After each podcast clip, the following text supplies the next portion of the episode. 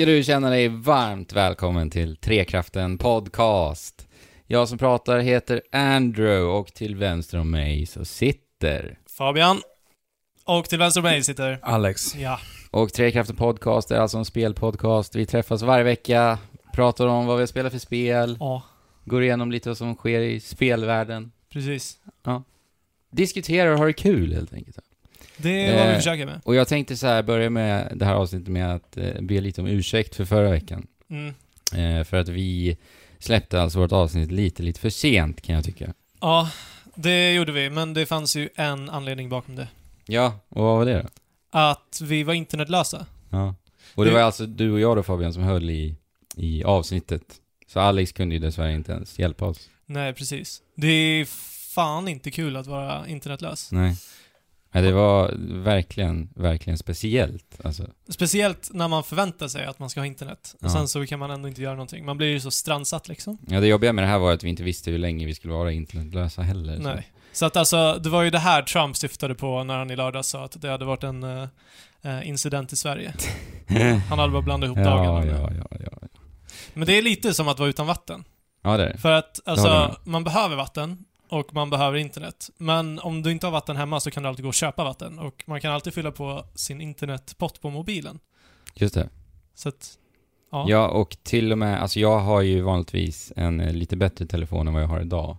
Jag sitter med en sån här iPhone 4 just nu. Mhm. Och jag kunde ju inte ens internetdela med den här telefonen. Nej, Så att vi kunde ju inte lösa det på det sättet heller. nej. Och vi internetdelade med min telefon och den tog slut. Ja, precis. Och du, för du har ju inte särskilt mycket Nej, såna här gigs och sånt. Nej. Men vi, där när vi var internetlösa så spelade vi ju lite Nintendo Land. det, det gjorde vi. Ja. Vi fick ta till eh, de verktygen vi hade. Har du något minne av det här spelet Alex? Nintendo Land ja. Ja. Jag tänkte på det senaste dag faktiskt. Är det sant? Jajamän. Jaha. Det är just det här, det finns ett läge där man rullar den här Donkey Kong-kartan. Rullade Ja, just det. Den Eh, spelade vi nog inte. Genom att tilta på uh, gamepaddan. Ja, Ja, ja, nej, eller knapparna. L är Ja, men du tiltar för att röra den. Ja, det kanske man gjorde. Och sen Ja. så använder du knapparna för att... Ja, det är det bästa spelet i Nintendo. Land, Ja. tycker jag. Ja, jag spelar inte. Men jag spelade lite Tropical Freeze i internetlösheten också. Ja, just det. Spelade tre Ja, världar. Donkey något. Kong. Ja. Mm. Var det kul? Ja, det var kul. Härligt. Vad har vi spelat då? Har ni spelat någonting? Eh, ja, jag har ju spelat... Förutom det då? d- förutom Donkey Kong så har jag spelat Horizon.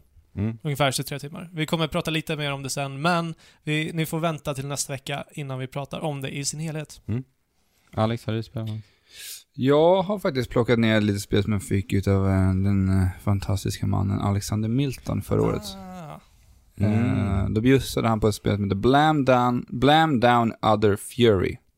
Okej. Vad är det för något? Det är alltså ett spel där man som en ko, man spelar som en ko som Okej. bär runt på maskingevär. Aha. Som jagar på sin, jag letar rätt på, efter sin eh, kärlek. Oj.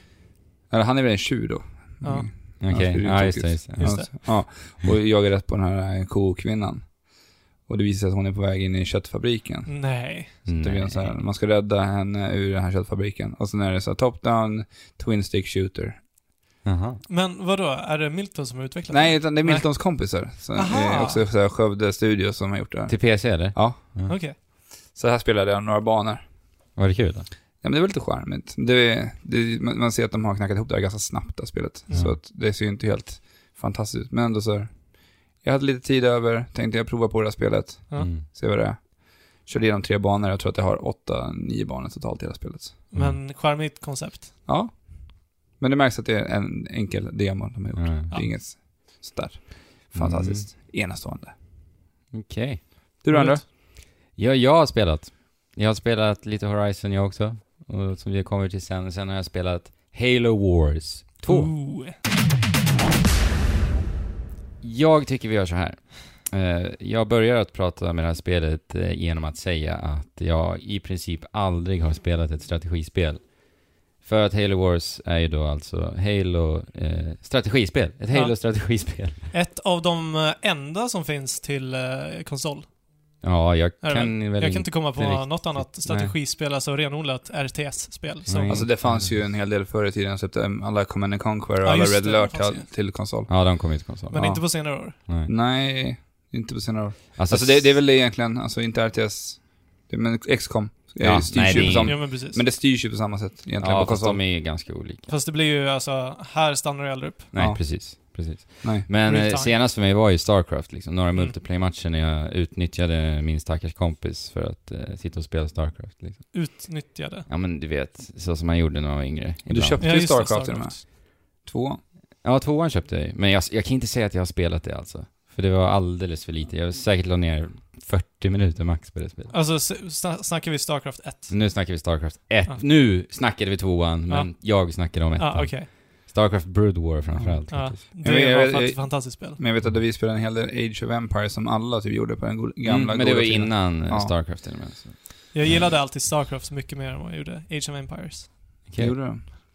Ja, jag, alltså, men grejen är att när vi spelade Age of Empires, Alex, Mm. då var det också väldigt mycket att bara använda alla jädra fusk. Mm. Big Ja. Daddy och Ja, E är det. lika med MC2 och bla bla bla vad det nu var. Ja. Men det var ju kul. Ja. Det var riktigt kul. ja, det var ett roligt spel. Mm. Eh, men Halo Wars 2 är ju alltså en eh, direkt uppföljare på Halo Wars, eh, det första spelet. Och det spelet var ju utvecklat utav just Ensemble Studios då som utvecklar Age of Empires. Mm. Ah, ja. Eh, och ja, det kändes ju lite som att de, de utvecklade Halo Wars 1 för att liksom på något sätt bevisa att eh, det faktiskt går att göra ett RTS på en konsol liksom. Mm, det är ju spännande koncept. Ja, och det verkar som att de ändå lyckades med tanke på att de nu gör en tvåa. Ja. Och det verkar ändå ha, alltså det finns ju en fans, fans till, till serien där ute. Ja, Mm. alltså det hjälper ju väldigt mycket att det är Halo-universumet Ja, men det gör som det utspelar sig. Det, länge- men det är ju ändå häftigt att se det från det Det perspektivet. är det Hur verkligen. länge sedan är det? Är det typ åtta år sedan? Så? 2009 släpptes första Halo Wars. Ja. Så det blir väl Ja, typ åtta år. Sju, åtta. Ja. Eh, men nu är det i alla fall Creative Assembly som har tagit över rodret då. Och de är också genre-veteraner. De har ju utvecklat Total War-serien. Mm. Mhm, ja, just det. Mm. Eh, och eh, 343 Industries hjälper till också. Och det är ju den här handplockade, dedikerade Halo-studion som Microsoft har då. Jajamän. Eh, och det här spelet utspelar sig i tidslinjen direkt efter Halo 5 faktiskt. Mhm. Eh, och vi möts av eh, besättningen eh, på en eh, sån här rymdflotta vid namn Spirit of Fire. Och de verkar då ha vaknat upp ur sån här kryosömn efter 28 år. Åh jädrar. är det samma crew som från första? Ja, och det här Ah, är lite okej. kul, så att de har ju alltså slaggat igenom alla Halo-spel. De vet typ inte ens att Master Chief finns. Nej, precis. De vet inte vad som har hänt, vad som skedde, vilka spektakel som har ägt rum. Oh my god. Så det är lite roligt. Ja. Eh, men det här har de väl antagligen också lite gjort, kan jag tänka mig, för att liksom med öppna armar eh, bjuda in nya spelare till Ja. serien. Eh, som jag själv. Jo men och inte, alltså det hade varit töntigt om de hade massa cameo, eller massa referenser till Jo, Master. Chief liksom. Och, Exakt. Eh, men jag upplevde aldrig att eh, jag hade behövt spela det första under hela eh, min tid med tvåan heller, så att... Ja, och berättelsen den kickar igång när den här kaptenen över den här rymdflottan, Cutter då, skickar iväg ett par spartaner som ska utforska en liten sån här UNSC-post i närheten. Mhm. Och eh, väl där då så möter vi eh, på spelets antagonist vid namn Atriox. Det här är ju den här herren som de marknadsför spelet väldigt mycket med. Mm. Han syns på alla, alla box arts och, och sånt där. Vad var det som är speciellt med honom då? Jo men precis, han är ju en brute, ska vi säga också. Ja. En, brute är ju en av ja, alla dessa eh, Rymdraser. rymdvarelseraser som finns i universumet. Eh, och han verkar typ ha agerat någon form av rebellledare. Eh, och har gjort revolt mot konvenanter och lyckats till och med rekrytera delar av konvenantstyrkan då. Eh, och de tillsammans skapar en ny fraktion som heter The Banished, som de kallar sig för. Eh, och då kan man ju tänka att det, är lite tvärtom som hur det var i Halo 3 nästan. För i Halo 3 så eh, stred ju Brutes för konvenanter. Mm. Och nu är det lite tvärtom. Mm. Men är konvenanterna med överhuvudtaget?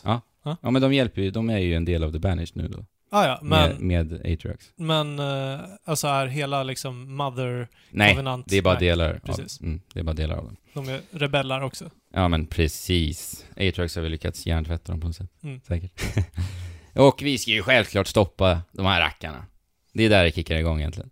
Eh, men överlag så tyckte jag att eh, berättelsen var väldigt klyschig. Jag tycker aldrig de ly- lyckas liksom bygga upp mot någonting intressant, tyvärr. Eh, och sen är det så här lite märkligt hur, hur Spirit of Fire-besättningen ändå verkar ha kännedom om saker och ting som har hänt. Ja. Trots att de ändå har slaggat i 28 år. Ja. Tyvärr så är det så. Det, det är märkligt. Eh, och sen så eh, finns det ett enormt problem i hur berättelsen förs framåt, tycker jag. Och det är att, eh, alltså i realtid när du är i strid i spelet så eh, förs det ständigt dialoger. Mhm. Eh, och då är det mellan rymdflottans besättning och även då soldaterna nere på fält. Och där, det här tycker jag är så trött alltså, för att jag spelar här alltså ett strategispel. Mm. Och där behöver man ju liksom arbeta med hjärnan på högvarv. Och jag har ju koll på fem saker samtidigt. Jag, och hela skärmen är liksom fylld med The Banished eh, fiender och jag ska liksom ha ihjäl 13 stycken brutes och tre scarabs liksom. Ja. Så kommer Captain Cutter där. Hörru, du måste lyssna på mig, det är så här du ska göra. Ja. Och det Jag är ledsen. Jag är ledsen Cutter. Jag kan inte, jag kan inte ge dig min uppmärksamhet. Ja, nej. Eh, Styr det här lik på samma sätt som jag gör med ett Starcraft-spel? ja, men det är ju designat för att, för att kunna styras med kontroll. Väl, ja, väldigt men, men det är mycket fortfarande så, du markerar grupper, ser Ja. att den här gruppen går dit och... Precis. Så det är lite som att laga mat, faktiskt, och spela eh, s- eh, Ja, just det. Halo Wars 2. Mm. Tänk er att ni lagar en middag. Eh, ett recept med ganska många ingredienser, det är mycket att hålla Mm. reda på. Och Captain Cutter är då min flickvän som från vardagsrummet skriker att eh, jag ska hjälpa henne att sätta igång Playstation 1 för att dra upp någon eh, tv-serie på Netflix. Liksom. Ja. Och det är ju det är ju rätt irriterande, menar jag. Då dras man helt och hållet ur Precis. sin matlagnings... Men det är ju samma sak som vi sagt tidigare, att liksom med, eh, i platt, med platt, plattformshoppande. Ja. Om det kommer massa dialoger mitt i liksom ett platt, plattformshoppande. Men jag har inte liksom inte tid. Nej. Specie- och som sagt, speciellt inte i strategispel. Cutter låter som en man med extremt kontrollbehov. Ja, Han måste kontrollera dig. Ja. men han är ju trots allt en, en kapten också. Så Ja, han, han måste det. Ja, men man måste ju ändå någonstans lämna lite ansvaret över till sina Jo, visst. undersåtar. Jo, det är sant. Speciellt i, i kritiska lägen. Ja. Ja, men ja. Så han kan vara lite som den där jobbiga ettrig chef som ska vara där och... Kolla bakom axeln och bara, jaha, kontrollera hur går det allt." här då? Ja. Katter, katter, katter. Ja. Men det där är väl också väldigt individuellt, förstås. Eh, Jag ska ju, s- som jag sa, jag är ju total färsking när det kommer till genren. Jag, jag skulle ju Mm. säga att jag är kass på spelet. Värdelös. Vad, vad tyckte du? Du tittade ju lite på när jag spelade. För du har ju ändå mer erfarenhet. Vad jag ja, alltså jag tänkte ju många gånger, varför gör du inte sådär? Ja, jag kan tänka mig att du tänkte det. Men gör sådär, men jag vill inte säga någonting för att, Ja. ja. Men alltså den enda gången spelet lyckades på något sätt fånga mitt intresse rent narrativt, det var ju då när eh, vi får se de här otroligt snygga mellansekvenserna. Mm, de är jättesnygga. Men det är ju liksom bara på grund av att de visuellt är snygga. Mm. Det är ju inte egentligen vad, hur berättelsen förs vidare. Men det är alltid coolt tycker jag med CG-scener i ett helt annat universum. Ja, det är det När de lyckas Mm. pulla i Och de här är sjukt snygga. De har till och med en dedikerad studio faktiskt, som har gjort just de här. Och då så är det tre studios nu. Ja, det är det. Tre studios som har gjort hela paketet. Säkert fler om vi ska grotta ner oss. eh, men, eh, alltså, är du en, ett Halo-fan som eh, slaviskt liksom följer eh, hela helhetsberättelsen, då är det klart du ska spela Halo 2. För, eller Halo Wars 2. För det finns ju saker här att hämta för Mm. de som verkligen är inbitna. Eh, men hur är spelet att spela då? Vill ni Ja. fråga mig det? Ja, hur är det att spela då?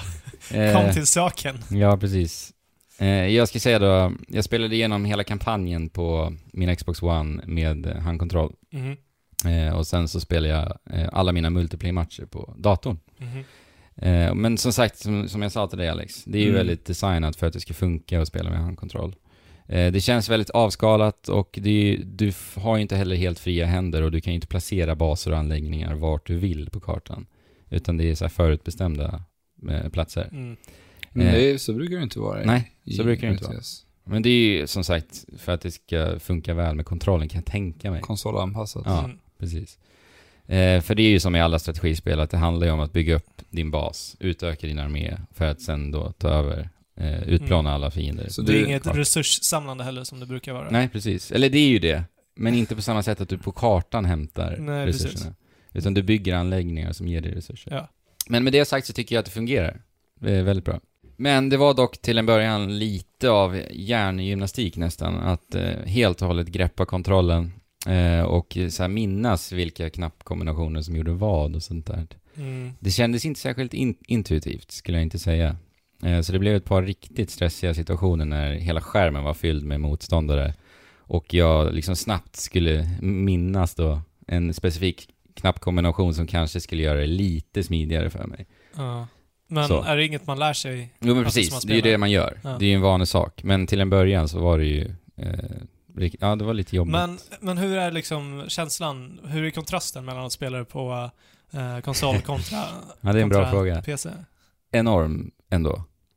Alltså, på, Märks, att, märks det tydligare att det är avskalat på PC? ja men det gör det, men det är ju samtidigt också enormt mycket skönare att spela på PC. Mm, Alltså, det. med hästlängder faktiskt. Men med det sagt så är det ändå, funkar det ju ändå bra på konsolen. Det är inte så att det blir ospelbart, absolut, absolut inte. Nej. Eh, för det finns också ett sånt här eh, sten, sax, påse-system i Halo Wars 2.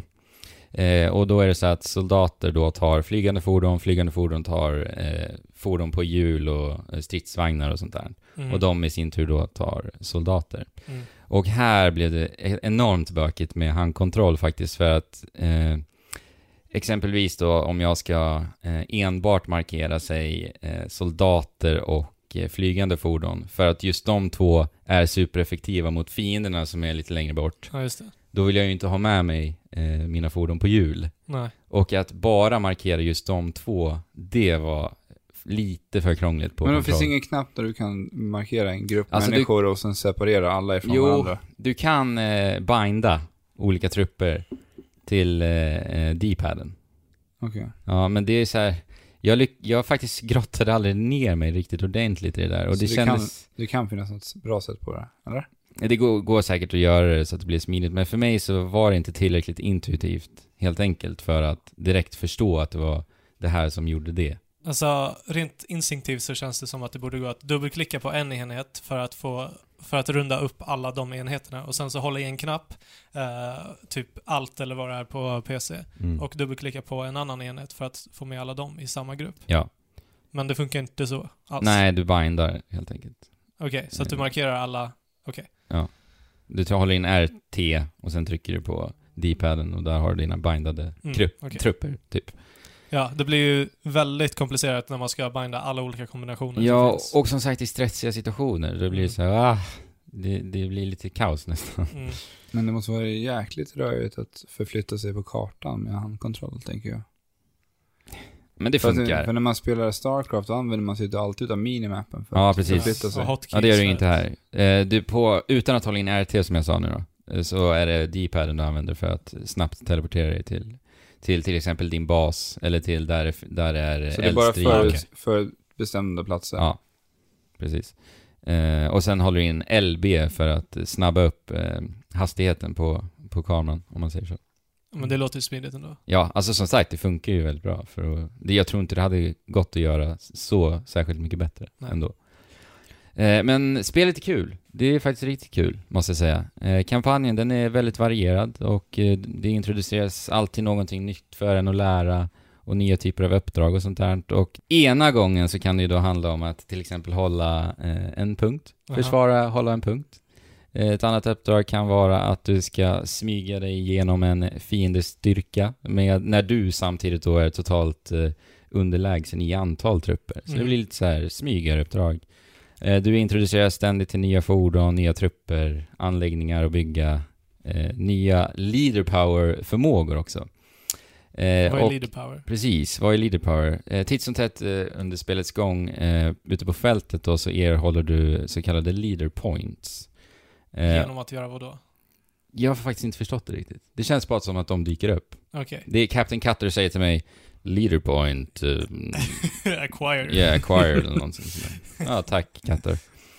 Eh, och med de här då så eh, använder du typ gudaförmågor, skulle man kunna säga. Mm. Där du tillkallar på regnande artilleri eller det kan vara att du eh, placerar ut en sån här grön blob som gör att dina trupper får liv och sånt där.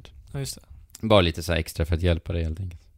Men de där eh, kommer ju lite strate- mer strategiskt in i multiplayern framförallt. Ja, just det. Ja.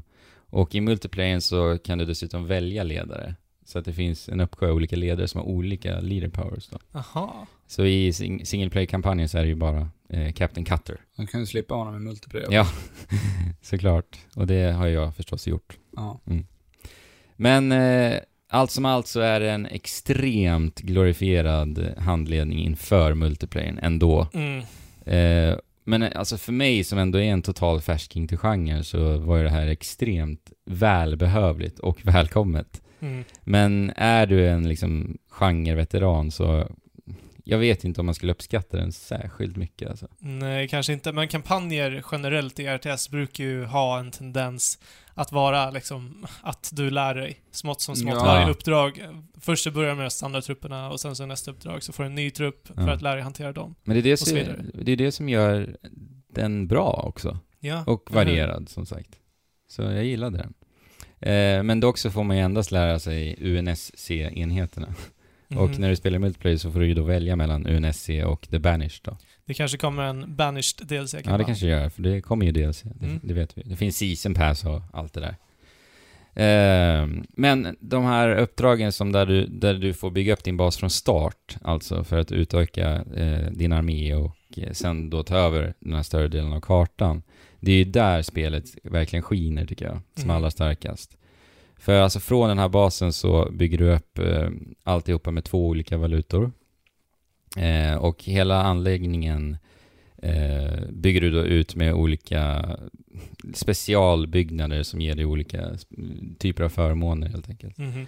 Och de kan du också så uppgradera för att ge, ge dig ännu mera fördel och sånt där. Så att när du verkligen behöver planera och tänka igenom hur du ska bygga upp allting, hur du ska balansera dina resurser, vilka fordon du ska bygga och vilka anläggningar du ska uppgradera då för att ge dig den här förmånen som du kanske anar kommer hjälpa dig till framgången. Mhm. Det är ju då det är som roligast verkligen. När det funkar såklart då. Men det låter ju ändå som att det har tillräckligt mycket djup ändå, men det även fast det är avskalat. Ja men det tycker jag, absolut. De har- Speciellt i, i den här komponenten. De har ju verkligen lagt in nya komponenter som annars inte brukar funka som leader powers. För, ja, det, det är inte så tidigare. Det är inte så i andra typer av RTS eller? Alltså, det Inte brukar ju finnas, kanske. inte, inte på det sättet alls. Nej, vad kul. Har Eh, jag stött på. nej. Men, Ja, jag har inte spelat mycket RTS, inte så mycket. nej. Jag har ju spelat Starcraft. Du har nog, ja, men det är nog lika lite som mig va? Ja. Vi har ju aldrig riktigt fastnat. Nej, det är Starcraft 2 jag spelade lite Ja. grann i början. Ja. Alltså, jag har ju spelat mer, men jag är ju verkligen ingen veteran. Nej. Men, alltså själva tillfredsställelsen jag ändå känner när jag eh, står där med min enorma, hårt ihoparbetade armé och så, som en liksom svallvåg bara plöjer över eh, mina fiender och ser hur livmätaren verkligen dräneras i raketfart. Det är ju, det är en ljuvlig känsla, Mm. faktiskt. Det är någonting speciellt det där, med att se livmätaren bara svischa neråt. Jo, men grejen är ju att det är ju svårt om man får motstånd. Men sen när man lyckas liksom få möda, för, eller få, få belöning för sin möda, Mm. Det, det blir så uppenbart då. Mm. Du sa att det här var Total War. Utvecklarna. Utvecklarna. Mm. Jag har ju alltid varit intresserad av att spela Shogun. Mm. Total War Shogun. Just det. Ja, som utspelar sig i feodala Japan, och man spelar samurajarméer och sådär. Mm. Mm. Och det som jag alltid har varit så otroligt fascinerande med de spelen, som det jag har sett, är ju det här att man kan zooma in så extremt långt och se striderna på väldigt, väldigt nära håll. Ja, just det. Ja, det är inte... Jag blev lite besviken där, för det, det är någonting som jag typ...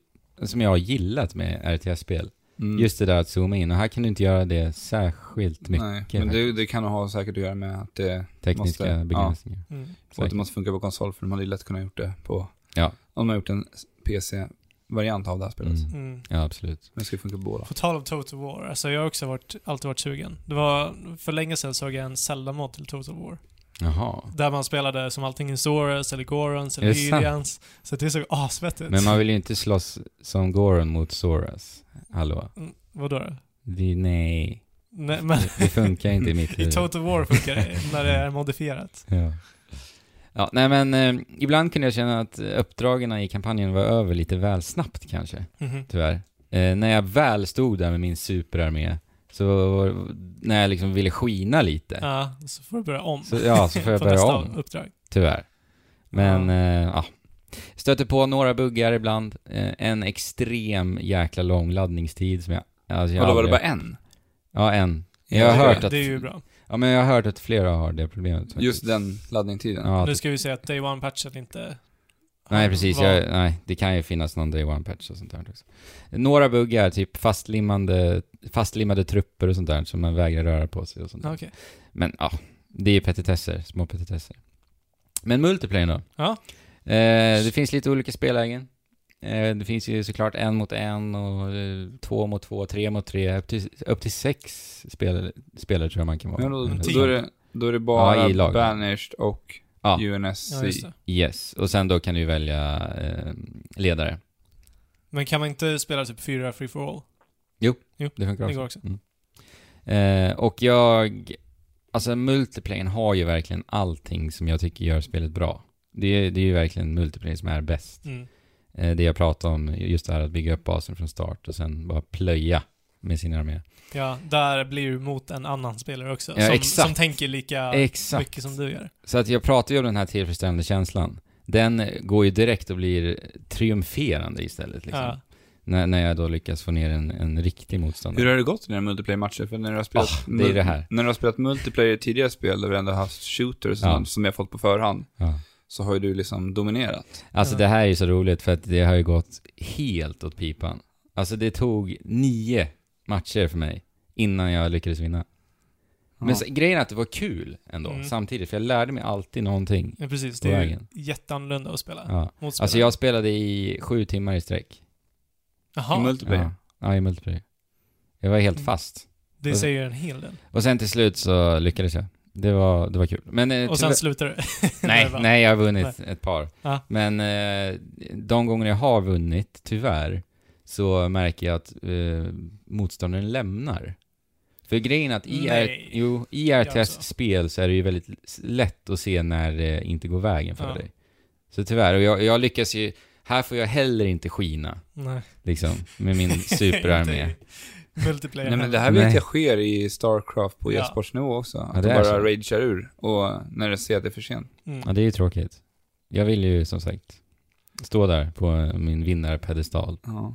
Men det är ju det, vi måste, vi måste ju spara tiden i våra liv. Ja. Ja. Kan inte ödsla den på... Jo, jo alltså jag förstår ju faktiskt ändå motståndaren, det måste jag ändå säga. Men, du men jag gjorde det. inte det. Nej. Jag gjorde inte det.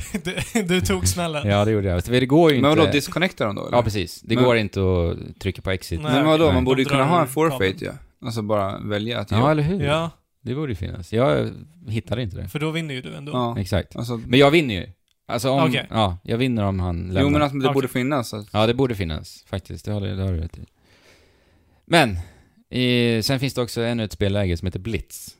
Just det. Eh, och det här spelläget eh, verkar typ som, ska fungera som att vara lite mer lättillgängligt. Okej. Eh, och här har du då kort. Mm. Och de här korten representerar då alla dina olika trupper. alltså dessa kort. ja, jag vet. ser Speciellt Microsoft. De gillar de där korten. Halo 5 hade ju det också till och med. Ja. Eh, du har kort, de representerar trupper. Så det finns inget basbyggande här. Eh, och sen så lokaliserar du energi ute på fältet på banan. Okej. Och med energin så aktiverar du de här korten Så att du aktivt går med dina trupper till en Precis. Okej. på kartan. Och sen spelläget handlar om att du ska hålla tre punkter. Och då Mhm. ska poäng ticka. Och den som eh, då kommer till maxpoängen först vinner. Okej.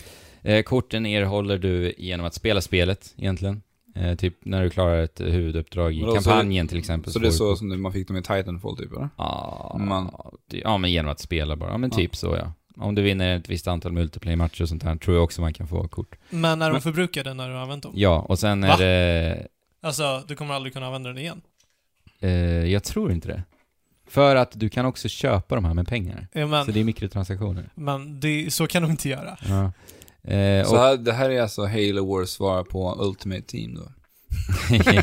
ja men lite, för det handlar ju om att hitta, liksom lyckas hitta och knåpa ihop sitt eh, ultimata däck. Ja, men då är det ju. Ja. Jo men alltså, då har du samlat på ditt däck hela tiden. Eller på liksom i flera veckor kanske. Mm. Och du har det där däcket som du vill ha, men om, när du använder det så... Jag är lite osäker på Ja, om men de är det- det kan förbrukningsbara. ju inte vara Nej, det kan inte vara det. Det har du faktiskt rätt i. Titanfall hade ju förbrukningsbara kort. Ja, Det, var, Men- det gjorde man en grej att man eldade upp korten när man använde precis. Burn cards. dem. Men det försvann ju i tvåan. Ja. ja. Nej, men de eh, förbrukas nog inte, Nej. nu när jag tänker efter. Eh, men det finns ju ändå någon form av pay to win-faktor här, i och med att du faktiskt Ja, kan precis. köpa korten Och du har ju större chans då om du pungar in pengar att, att få det där ultimata Men däcket. då. du kan inte köpa specifika kort, utan Nej, du köper det är Dex. slumpmässigt, precis. Det är Dex. Och de har ingen trade för korten. Så man kan byta med andra Eh, nej, inte vad jag vet. Nej. Men eh, jag tänker att det här kortupplägget funkar mycket, mycket bättre i ett RTS än vad det skulle göra i ett First Person Shooter. Mm. För Jo, att det är ändå strategi Ja, i, i sig, kortspel. Så att tänk dig Hearthstone eller, jag vet inte, Mm. eh, valfritt kortspel. Jo, Fast precis. bara det att det blir, eh, att det lever i Mm. Halo, t- Jo, Halo men Wars lite så är det ju. 2-motorn. Lite så blir det. Men grejen är att jag, för mig, jag tyckte inte det var tråkigt. Nej. Det var bara måttligt underhållande, de Ja. matcherna jag spelade. Och den stora behållningen i spelet är ju som bortblåst här, för mig Mm. då. Så jag kommer inte återvända till Blitz. Det är ju väldigt nischat. Ja, Alltså vissa det kommer ju säkert gråta ner sig i Blitz. Ja, ja, men precis. Det finns ju säkert eh, djup. Det gör det Ja, men det är ju precis som i Ultimate Team. Det är en viss målgrupp som håller på med Ultimate Team i Fifa. Ja, men exakt. Jag har aldrig rört vid det. Ja, men det är nog en ganska bra jämförelse. Ja. Faktiskt. Nej, men trevligt spel, tycker jag. Ja. Eh, det känns väldigt Halo också. Det är bra. Vilket, ja, det är bra. Mycket Här- Warthogs, eller? Ja, det är mycket Warthogs. Finns det eh, uppsjö av. eh, och det är härligt miljöombyte. Det, är- det är så här Halo-osande vackert, ni vet. Ja. De här granarna som, som slår i vinden och så. Eh, inte särskilt snyggt spel, men det är tillräckligt snyggt. Och det behöver ju liksom inte vara supersnyggt heller. Förutom om man inte vill zooma in på striderna Ja, kanske. men exakt. Ja, jag ska Ja. också sl- avsluta med att säga att jag ändå faktiskt tyckte att det var trevligare att befinna mig i det här universumet ifrån det här perspektivet Aha. än vad jag har tyckt att det har varit de senare, senare åren i huvudserien. Ja, just det. Och då syftar du på femman och... Fyran framförallt. Ja. Mm. Så jag tycker faktiskt att Halo Wars 2 var trevligare. Det var trevligare att vara i Halo. Mm. Från, eller ifrån Halo Wars 2. Trevligt. Mm. Finns att spela på Xbox One och PC och det är ju Play Anywhere-spel. Mm. Så köper du det en gång så kan du spela det på vilken plattform du vill. Hur funkar det där med fysiska utgåvor? Du, det har inte jag en koll på. Det vet Fint. jag inte. Då måste det vara Det måste väl gå, jo, men eller? alltså du redeemar det säkert på din Xbox One Ja. och sen så Ja. eh, kan du gå Men då in måste det ändå Store. vara, det måste ju registreras då när man har lagt in skivan för första gången, för annars kan du lämna det till en kompis. Ja, just det. Jo, men det måste... Ja. Jag vet inte hur de... Eller om man får en kod för att Det låsa där upp måste det. vi kolla upp faktiskt. Vi gör det i pausen så får vi komma tillbaka och se. Okej Andrew, var du färdig där med Halo Wars? Yes, där var jag färdig.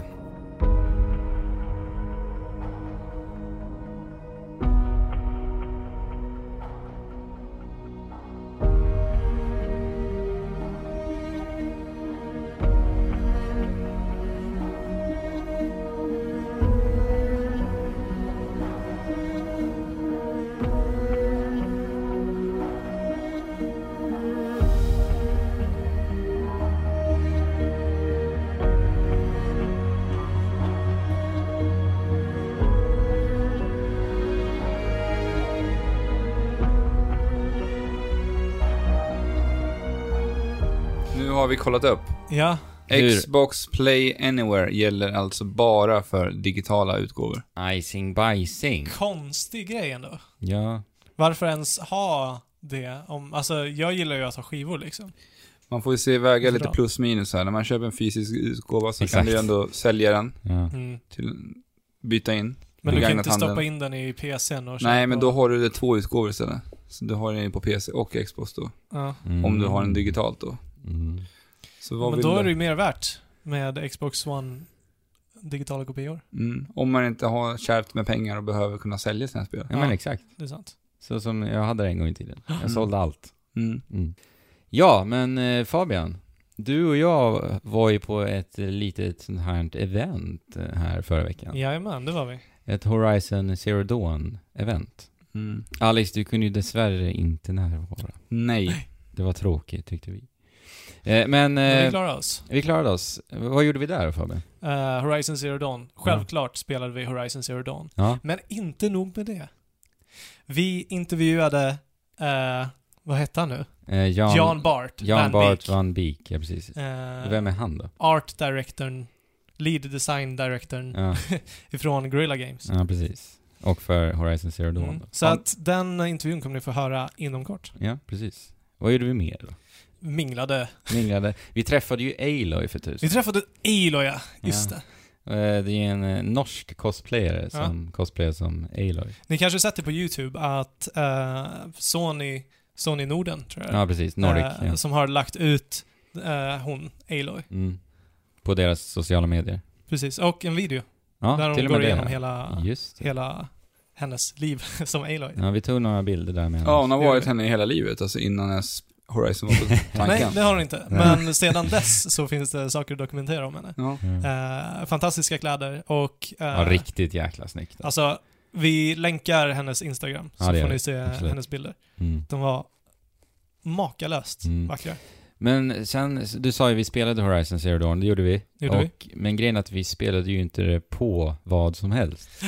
Utan det var ju alltså på 75 tums 4K TV-apparater. Ja, HDR dessutom. HDR. Så det här var ju alltså första gången Fabian, du och jag eh, fick se hur detta var. Jajamän. Vad tyckte du?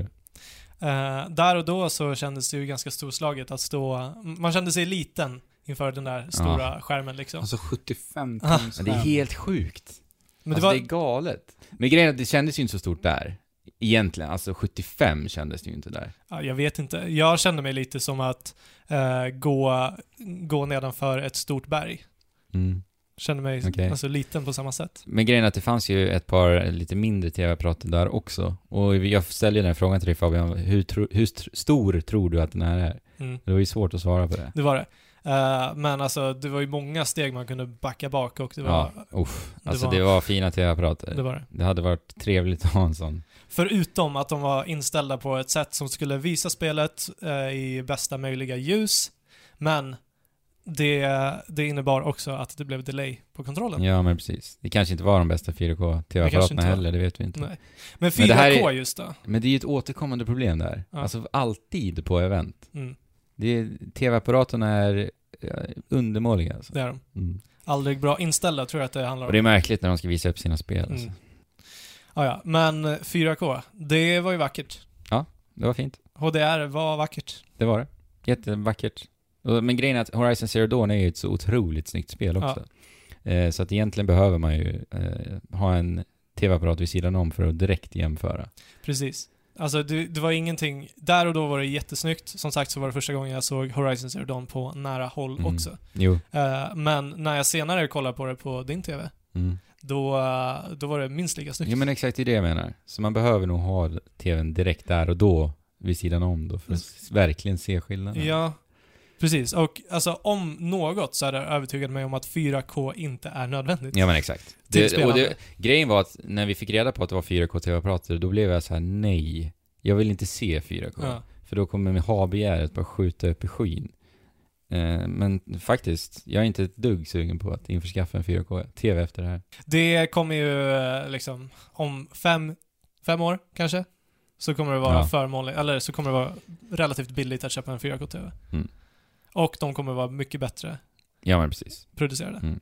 Men eh, Horizon Zero Dawn då? Ja. Vi alla tre har faktiskt spelat det nu.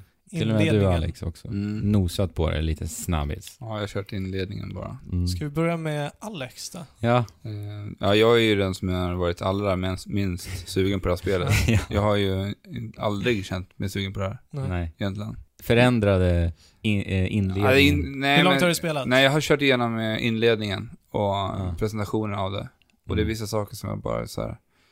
Jag vet, det kanske man får svar på sen, men jag tycker att det är väldigt konstigt att de här människorna ser ut som urtidsmänniskor. Ja. Klär sig i pälsar när det lever robotar överallt. Ja. Men tittar man på hur människorna levde på, i vår gamla tid, så tog man liksom vara på djuren och anpassade sig efter djuren. Nu har man ändå så här äh, meckrobotar. Då Ja. borde man ju liksom slakta de här robotarna och bygga stora vapen utav de här delarna. Men ändå är de så här päls. Ja. Päls. Det är ju som- det man gör. Det är inte så jävla bra att ha liksom metall på sig i kyligt klimat. Jo men du kan ju ändå ha pälsarna under. Och sen kan du bygga robot, alltså du kan ju ta delarna och bygga sköldar och... Ja. Ja, ja. Och Och det är sådana här saker sånt här som bara inte Men klaffar. finns inte det? Jo. Ja. Ja. Jag, jag tror att det gör det. Jag Men, eh, men varje, alltså... En vanlig människa har ju inte det. Men, men en vanlig människa är ju inte en, en mech hunter heller. Nej. Mm. Men jag, vi kan väl säga så här. bered er på en klassisk och väldigt trött Tutorial. tutorial. Ja. Usch. Ja, alltså det är ju verkligen aldrig att föredra sådana här övertydliga tutorials. Eh, där, det, till och med introduceras ett ganska långt segment som inte är så användbart i Ja. resten av spelet. Du tänker på... eh, Tracking Ja, Eller det kan- kan ju vara användbart, liksom. Men det, men det tar alldeles för stor Ska vi förklara del. den lite snabbt? Du kan markera eh, fiender Mm. för att se vart de går. Du ser fotspåren, vart de Ja. kommer patrullera, Exakt. helt enkelt. Ja, det, det där drog jag en rejäl jäkla suck faktiskt. Mm. För hur övertydligt allting var. Mm. Men... ja, eh, stealth-delarna var ju fruktansvärda precis. också. Eh, Så in, alltså man misslyckades med att röra sig i gräset så fick man bara göra om det. mm. Jag ville ju bara springa för igenom och börja. Ja, men- ja, Inledningen är tråkig. ja. Men... Men, jag, jag kände mig mer taggad på själva inledningen när vi var där på eventet. Mm. eh, att spela där. Ja, vi har ju spelat den två bli. gånger nu. Både du och jag. Precis. Till och med. Andra gången var det bara att klicka igenom allt. Ja, men alltså narrativt så är den ju ändå stark tycker jag. Mm. Inledningen. Vi ska inte säga någonting tycker jag, för det där ska man uppleva själv. Mm. Eh, Fabian, du har ju spelat mest. Jag har spelat 23 timmar än så länge. Mm. Jag har spelat ungefär drygt fem hemma då. Mm. Sen där på eventet spelar vi ju väl Ja, men det en. kan man ju inte Nej. räkna med. Eh, har du några färska intryck Fabian?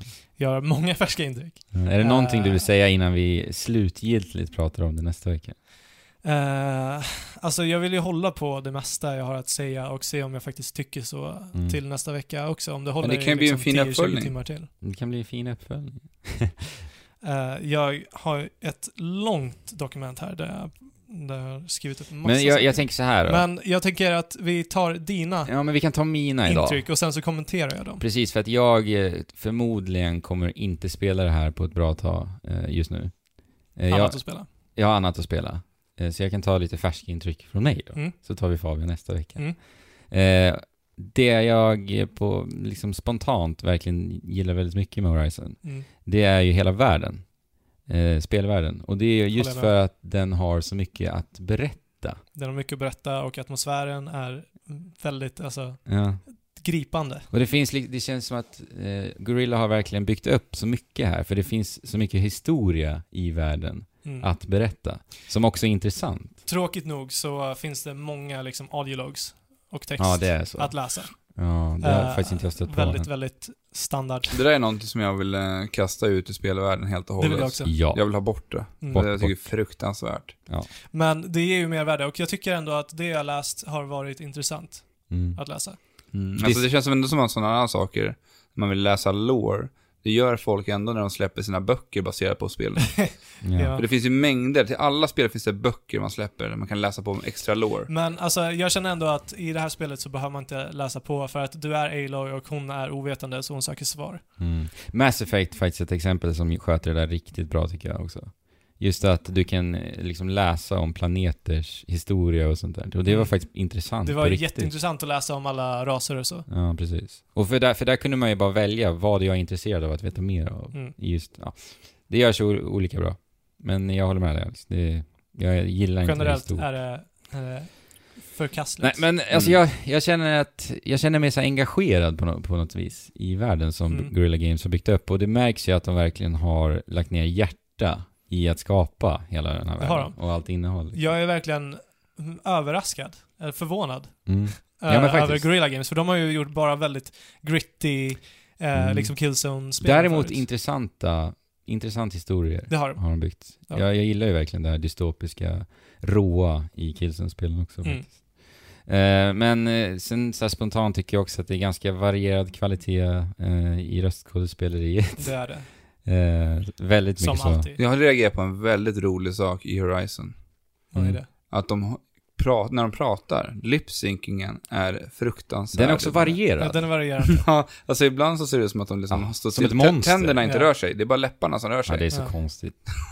Ja, men vissa karaktärer ser, ser alltså, hur, de ser inte ut som människor. Ja, nej. Medan vissa är jättesnygga. ja, men storyn är intressant. Jag älskar verkligen Aloy.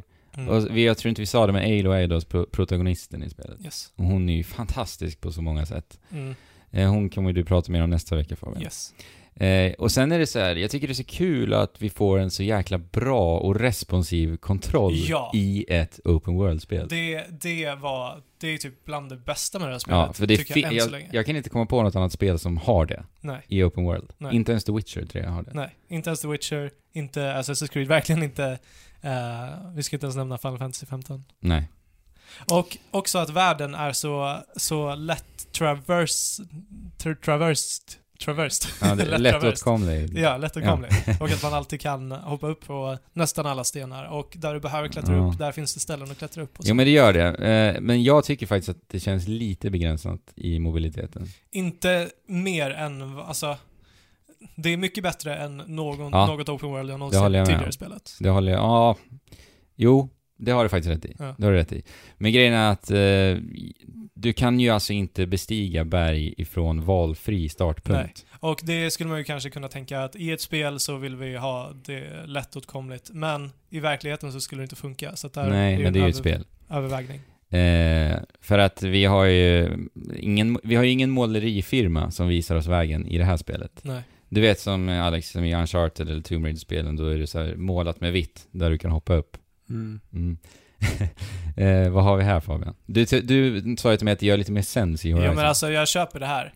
Det här är en stor värld eh, där människorna har gått omkring överallt, Mm. det finns trails överallt och där, där de längs med de här trailsen har klättrat upp så har de naturligtvis satt upp liksom rep och sånt som man kan klättra upp på. Så det, jag tycker också att det, det har de löst snyggt, väldigt Mm. snyggt faktiskt. Härligt att se att målerifirman inte är i Horizon. Nej, precis. Men de där gula repen, det finns det mycket om. Ja. mycket av.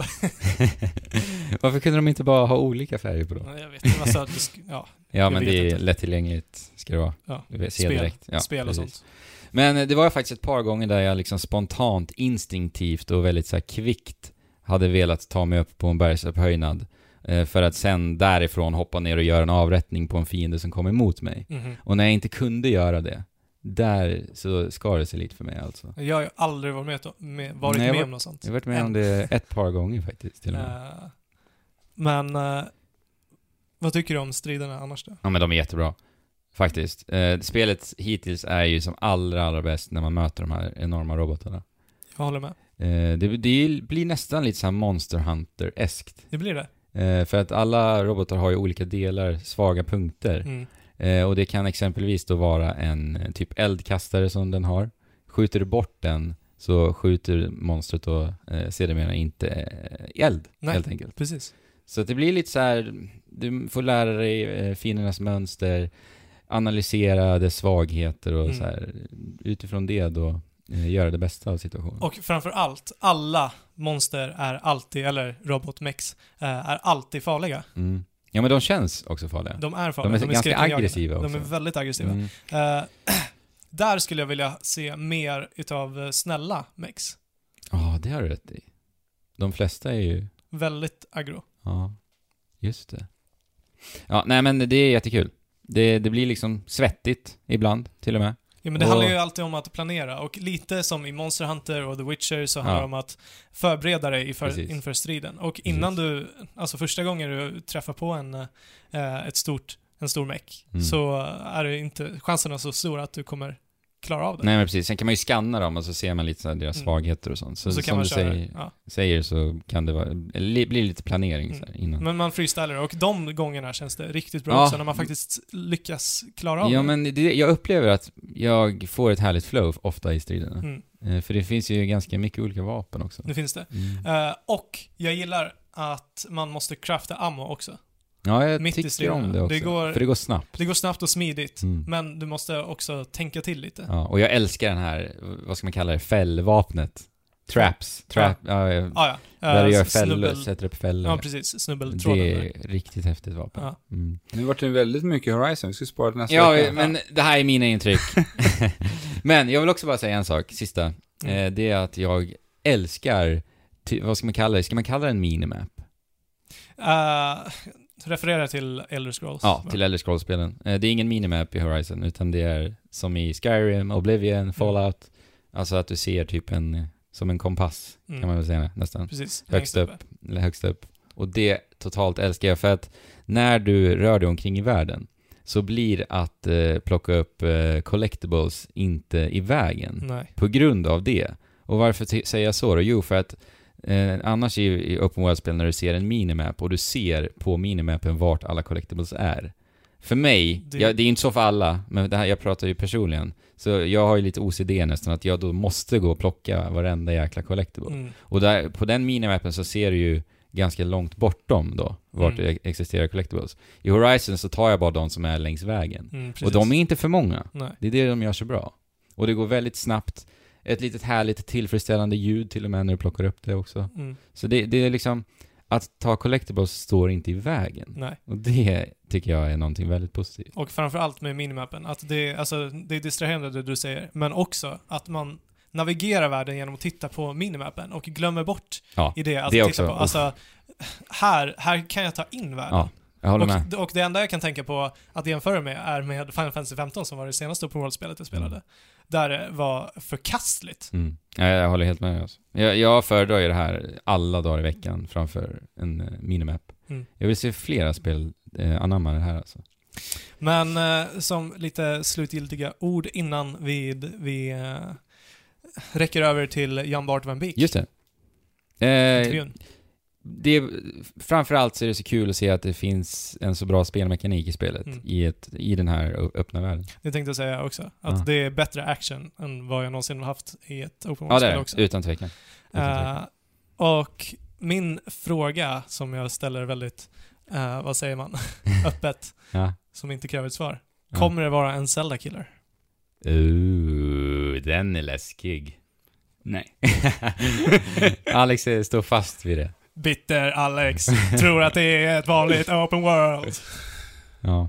Nej, men eh, vi rör oss mot eh, den lilla, lilla inter- intervjun, Fabian. We're here with uh, John Bart Van Beek. What is your position at Guerrilla Games? Um, so I'm Jan-Mart van Beek. I am the studio art director at Guerrilla Games, and uh, together with Matthijs de Jong and John Gonzalez, we're sort of the creative team behind Horizon. All right, so then we've got to ask: uh, Are you the designer behind Aloy and or the the robots? Uh, so yeah, I'm the art director. So visually, I have designed them. Of course, Becky, the game design, Becky, comes from the game designers, and a lot of Aloy's most important feature, her the narrative background and her story and her character, comes from the writing team, of course. But visually, yes, I've designed Aloy. Cool. Team has designed Aloy. Cool.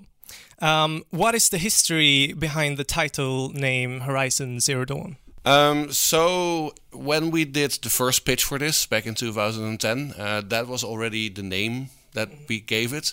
Uh, so and uh, miraculously it stayed along basically for all those years. That's very rare because usually it gets renamed. Uh, but yeah, the, the the whole aspect of Horizon basically means a lot for basically the context of the game. Basically, it is about a vast expanse. It's also about basically a sort of a time horizon, basically a sort of future that is so far out, basically that we won't be able to even see it yet or imagine it. So in large case, basically that aspect of the horizon, both as a t- element of time as well as a space, basically sort of became an important thing about what this game was about. Makes sense. Uh, will the sequel to Horizon be called Horizon One Dusk? Uh, s- second day now, so we're not. I already see Sassy basically getting really creeped out. We're not talking about sequels. How did the idea of uh, Horizon come into fruition? Okay, well that's that's a good question. So one of the things basically that we were playing around with basically all those years ago is that a lot of us basically really liked post-apocalyptic settings, but we felt basically that they only really tend to have one note. So whether you take the universe of Fallout or Mad Max or movies like The Road, for example, or series like The Walking Dead, it's always very very bleak, and maybe we have ash-covered worlds, post-apocalyptic wastelands, uh, and we thought like, well, it's it's it's ridiculous, basically, that they always end like that. Basically, that's never the end state. If you take, for example, real apocalyptic events like the, the asteroid killing all the dinosaurs 65 million years ago, the Earth basically didn't become a barren sphere with nothing on it. Basically, life found a way, as Michael Crichton would say in his book. So basically, that's what we started playing with. Basically, like, okay, say that there is a post-apocalyptic event or an apocalyptic event and then a post-apocalyptic era of dust decay and zombies i don't know.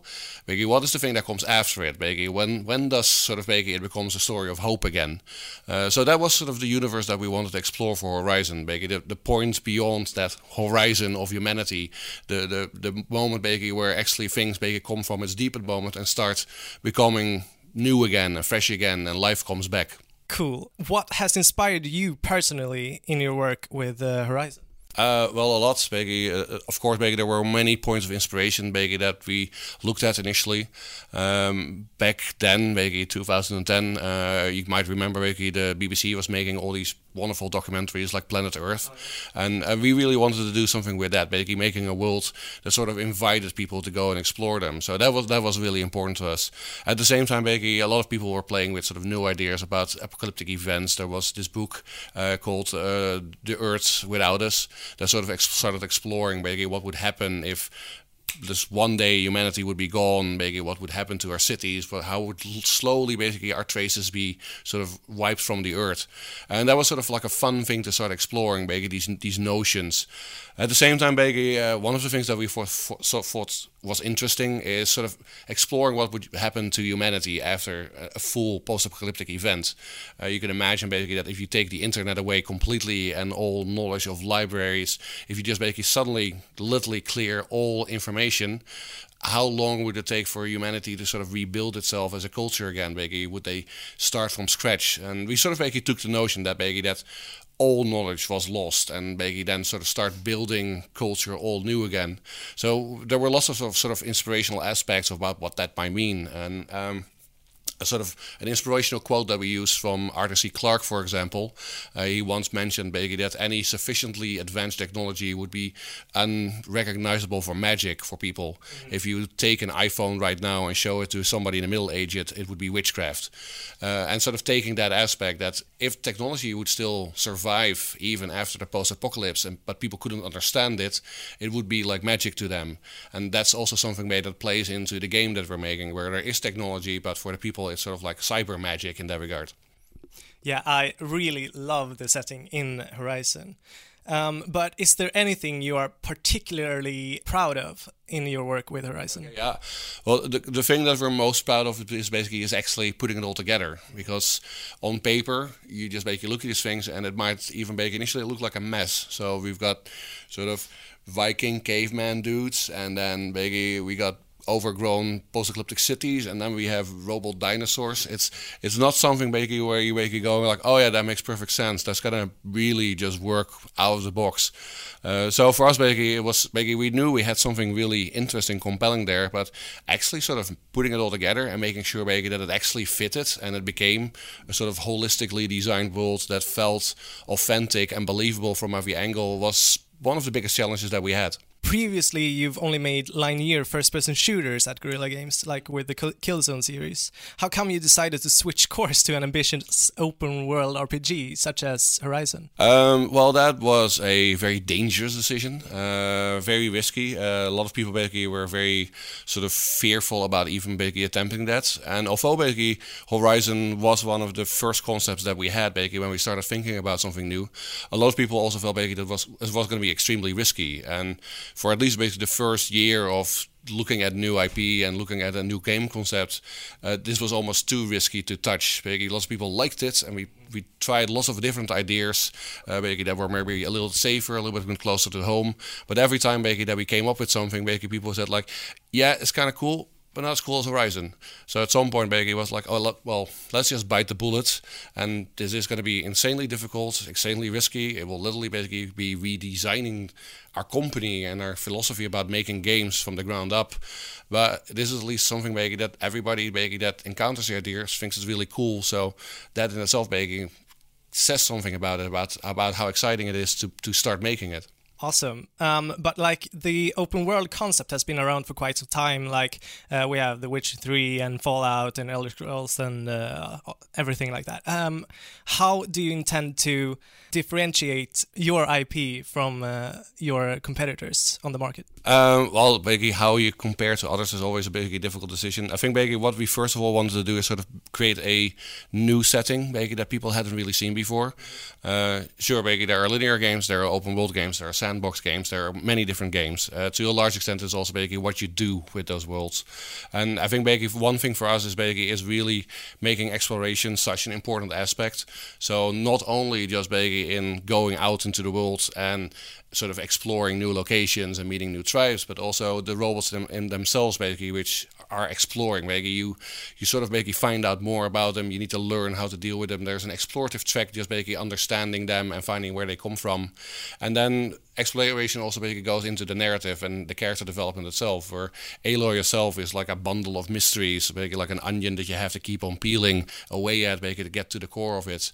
And basically, so that aspect of exploring and finding things out and uncovering secrets, basically, is really sort of basically at the core of everything that we've tried to do. But you're gonna compete with The Legend of Zelda Breath of the Wild. Does that worry you? Well, stock answer, basically, we don't really want to talk about our competitors at this moment, basically. We're here to talk about Horizon. Of course.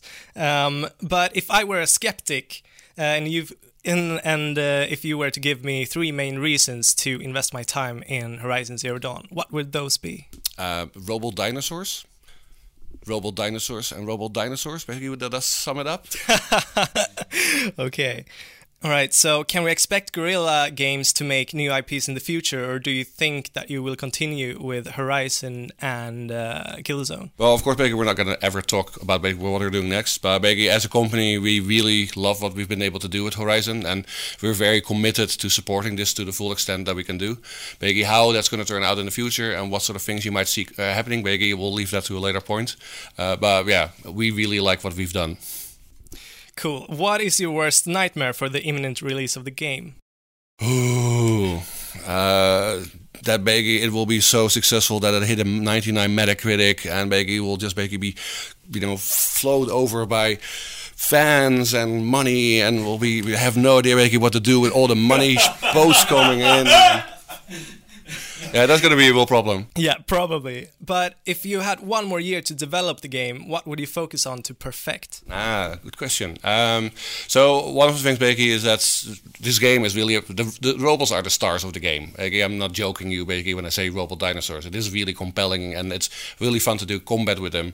Uh, if anything, Becky, of course, Becky, when we started out, we had many, many more ideas about robots that, for production reasons, Becky ultimately fall off. So if I would want to Becky spend another year on a game, which I would definitely not want to do, but I would definitely Becky want to make more robots because they're so so they're so cool to make. To round things up, what is your philosophy at Guerrilla Games? Oh, well, that's that's an interesting one. It's also something Becky that has really changed over the course of making this game. Uh, so when you're making something like a first-person shooter, it's really about much more about controlling the player than you think. Basically, if you're a scripter, if you're a game designer, if you're a combat designer, you almost basically try to control every single heartbeat of the player, and that's sort of basically how you give the best experience to the player. And basically, making something like an open world game as more sandbox structure changes everything there because it's not really about basically what the designer wants to give or the director wants to give the player. It's about basically what the player wants to do. Basically, it's their agency, it's their character, it's their story, it's their adventure. So that basically changes the philosophy completely around, basically, where it's much more about anticipating what the player wants to do and being able to give that to them instead of basically trying to control them. Thank you, Jan Bart. Okay. Uh, we re really look forward to the game. Thank you. Och där är vi tillbaka allihopa. Eh, ska vi gå igenom lite, lite nyheter, vad som har hänt i spelvärlden? Det gör vi. Jag tyckte det var väldigt intressant här, vi fick ju höra att Phil Spencer har talat igen. Jajamän, skickade ut ett långt mail. Ja, eh, Phil Spencer är alltså då Xbox eh, ansiktet utåt. Eh, han har alltså sagt att Microsoft planerar fortfarande att släppa Project Scorpio senare i år. Och det går emot alla de, eh, de eh, funderingar och tankar vi hade. Ja, för förra veckan. Ja. Det var ju förra veckan jag sa det. Fast det hade ju varit konstigt om de inte gjorde det med tanke på att de gjorde en så stor grej av Scorpio på E3 förra året. Och jo. sa liksom, nästa år släpper vi Scorpio. Ja, de sa det. De sköt sig själva i foten där lite kanske. Kan, nu måste de göra det. Kanske ja. det, men alltså jag tror, jag tror det hade varit bra för dem och alltså visat lite jävla stake från dem om ja. de hade kunnat byta väg, om det är det som de tror att det är detta. Men ja. vi vet ju inte alls vad det är. Liksom. Det här är ju så jäkla intressant. Det är så spännande. Alltså, alltså grejen är att, eh, alltså jag kan väl inte säga att eh, spelvärlden skakades av lanseringen av Playstation 4 Pro. Nej. Och det har vi väl ändå, vi ändå rätt att säga med tanke på att Sony inte har nämnt ett jäkla ord om den här konsolen. Eller vad tror ni? Nej, alltså jag tror att till den målgruppen som de riktade det till ja. har köpt den. 4K TV-ägare. Ja. Alltså det är en så nischad produkt. Det är det. Det är bara för en riktad publik. Mm. Och eh, förmodligen har ju eh, Microsoft eh, verkligen... Eh, jag, jag tror att de har ändrat sina planer något Mm. efter PS4 Pro-lanseringen. För här, alltså när de släpper Project Scorpio, vad det nu blir, så måste de ju vara extremt tydliga med att det inte är en PS4 Pro, Mm. tror jag. Det tror jag också. Alltså, för att det, ska, det här ska de visa, det här är en ny Xbox. Xbox 2, Mm. liksom. Eh, och det sista Microsoft behöver, det är ju den där nischade produkten, Mm. verkligen. För att de ska kunna ta ikapp Sony. Ja, Det men tror jag. jag. Jag, tror att det kommer, vi kommer få se någonting riktigt rejält tror jag. Alltså Ja. Xbox One S är ju egentligen vad Playstation 4 Pro är. Med lite enkla uppgraderingar, kunna köra HDR. Ja. Mm. Den Ja, men gjorde, ju, den det gjorde ju liknande grejer Ja. em, som PS4 Pro gjorde. Ja, fast ändå inte. Alltså vanliga PS4 kan ju köra HDR och nu också. Mm. Den är ju mer kraftfull också, Ja. PS4 Pro. Liksom. Men eh, vi kan ju säga, alltså Xbox One har ju förlorat eh, kriget som existerar nu. Den har ju sålt 26 Ja, miljoner, eller, det är eller ju därför det skulle vara så konstigt. Exakt, om det blir en PS4 Pro. Ja. Det hade varit så himla märkligt. Men alltså grejen är liksom, jag skulle, om jag skulle köpa en PS4 nu, då är det klart att jag skulle köpa en Playstation 4 Pro. Mm. För att, Ja, du ja. ja. Mm. Ja, det är klart. Ja, och, ja, jag är gamer, men jag tror att många, många är så liksom prestanda-kåta där ute. Att de säger bara, vänta, eh, nu när jag ska Mm. spendera mina pengar så vill jag ju göra det på den bästa produkten som finns. Jo, men å andra sidan så har vi ju inte sett en markant liksom, förändring. Det har vi inte, men det, de allra flesta som vill ha Playstation har ju redan köpt Playstation. Och jag tror också de flesta som vill ha PS4 Pro redan har köpt den. Ja. Lite, faktiskt. Det tror jag. Men sen har de ju pratat mycket om det här att alla spel, alltså köper du Xbox eh, Project Scorpio, eh, var, eller vare sig du köper Xbox Project Scorpio eller Xbox One nu då, så Mm. kommer alla spel fungera även in Mm. i framtiden. Så att det blir som en Xbox-familj snarare, ett ekosystem. Eh, så här tänker jag att de kommer ju ändå behöva exklusiva titlar till Project Scorpio. Men det, alltså, då kommer de ju gå emot vad de har sagt. Exakt. Men det, det är där jag tror att de har ändrat sin planering lite. Eh, Mm. det, det kan ju bli som till exempel med nu 3DS, eller vad tror ni? Att de släpper alltså exklusiva titlar enbart för den maskinen. Ja, men det tror jag vi kan Ja. förvänta oss nästan. Men problemet blir ju när det kommer till stora titlar, när vi snackar Halo. Mm. För här blir det ju en så delad publik. För alltså de som köper Project Scorpio och vill spela Halo 6, Mm. det är väl självklart att de vill att det spelet ska vara skräddarsytt för Project Scorpio. Med, Ja. den, med den prestandan. Ja. Alltså jag tror, vi, jag tror vi snarare kan förvänta oss att vi kommer få se upphottade, upptillfixade spel på deras stora spel till en början. Ja. Jag tror det också. Ja, sen, precis. säger, Ja. sen säger typ ett år, två Exakt. år in, så kommer man liksom släppa det fokuserat just för Scorpio. Ja. Det kommer man. Och typ kanske några experiment som är exklusiva Ja. i början. Men, men det jag tycker är allra tråkigast med Microsoft, det är att man har släppt Kinecten helt och hållet. Mm. Alltså det var ändå något som var unikt för Xbox One. Det var det. Mm. Det var det. Alltså de hade någonting och det är en, Ja. alltså den tekniken som ändå finns i Kinecten är ganska så avancerad, används på många andra sätt och många som gör alla möjliga typer av modifikationer med den här kameran. Mhm. Ja, som, det ska bli- vadå? Jag vet inte. Alltså det finns inte. de som eh, jagar spöken med till exempel. Okej. Man eh, sätter in lampor som det spökjägare. Ja, jag har sett. Ja. Alltså det finns massa olika sätt du kan göra för den har sån avancerad eh, 3D, alltså du kan läsa av 3D-djupet på ett sånt avancerat sätt. Okej. Ja, det ska bli intressant du se. kan, du kan scanna, in- scanna in folk i 3D-versioner med Kinects också. Så att Okej. det, det finns väldigt mycket funktioner med att använda Ja, Kinecten det är för. konstigt. Men- Tråkigt att de... Vänta, kan man scanna in 3D-modeller med Ja, Kinect? de använder det. När vi var på Comic Con så hade de Kinects. Just Är det det. sant? Ja, Det hade de ju. ja, Och de, de, det var Kinect de scannade in de där som de skrev ut Ja. i 3D-printen sen? precis. Oh my god. Så att det är, alltså jag tycker att det är jättetråkigt att man har liksom lämnat det så mycket. Mm. Det är en häftig teknik och det var ju mycket därför vi fick se så himla stor prisskillnad på den från början. För att det Ja, var ju det. mycket tech ändå i Ja, jo, Mm. jo, precis. För det är Ja. det jag, jag känner så här, äh, det- punga in mera prestanda Mm. i en konsol 2017 när många väljer att gå över till PC. Mm. För PC-byggandet har blivit så mycket enklare. Och det säljs väldigt mycket färdigbyggda Ja. gamingdatorer som är väldigt lätta att Ja. liksom, Det ska bli intressant Och att se om de, om de har någon, någon, eh, någonting innovativt liksom. Eller Mm. om det bara är en, som Ja, du men säger. jag, alltså, jag, jag hoppas verkligen på att få se någonting som de tänker lite nytt med. Någon, Ja. Något nytt sätt att spela. Ja. För att de har ändå vågat göra det tidigare. ja. För det skulle ändå göra att det här sticker ut lite mer än vad en Precis. PS4 Pro gör. De, Mm. de kan behöva det nu. Det gör de. För alltså Playstation och Sony dominerar verkligen. Det är ju så. Ja. Men alltså, ja. Jag tror inte att det är rätt väg att gå annars.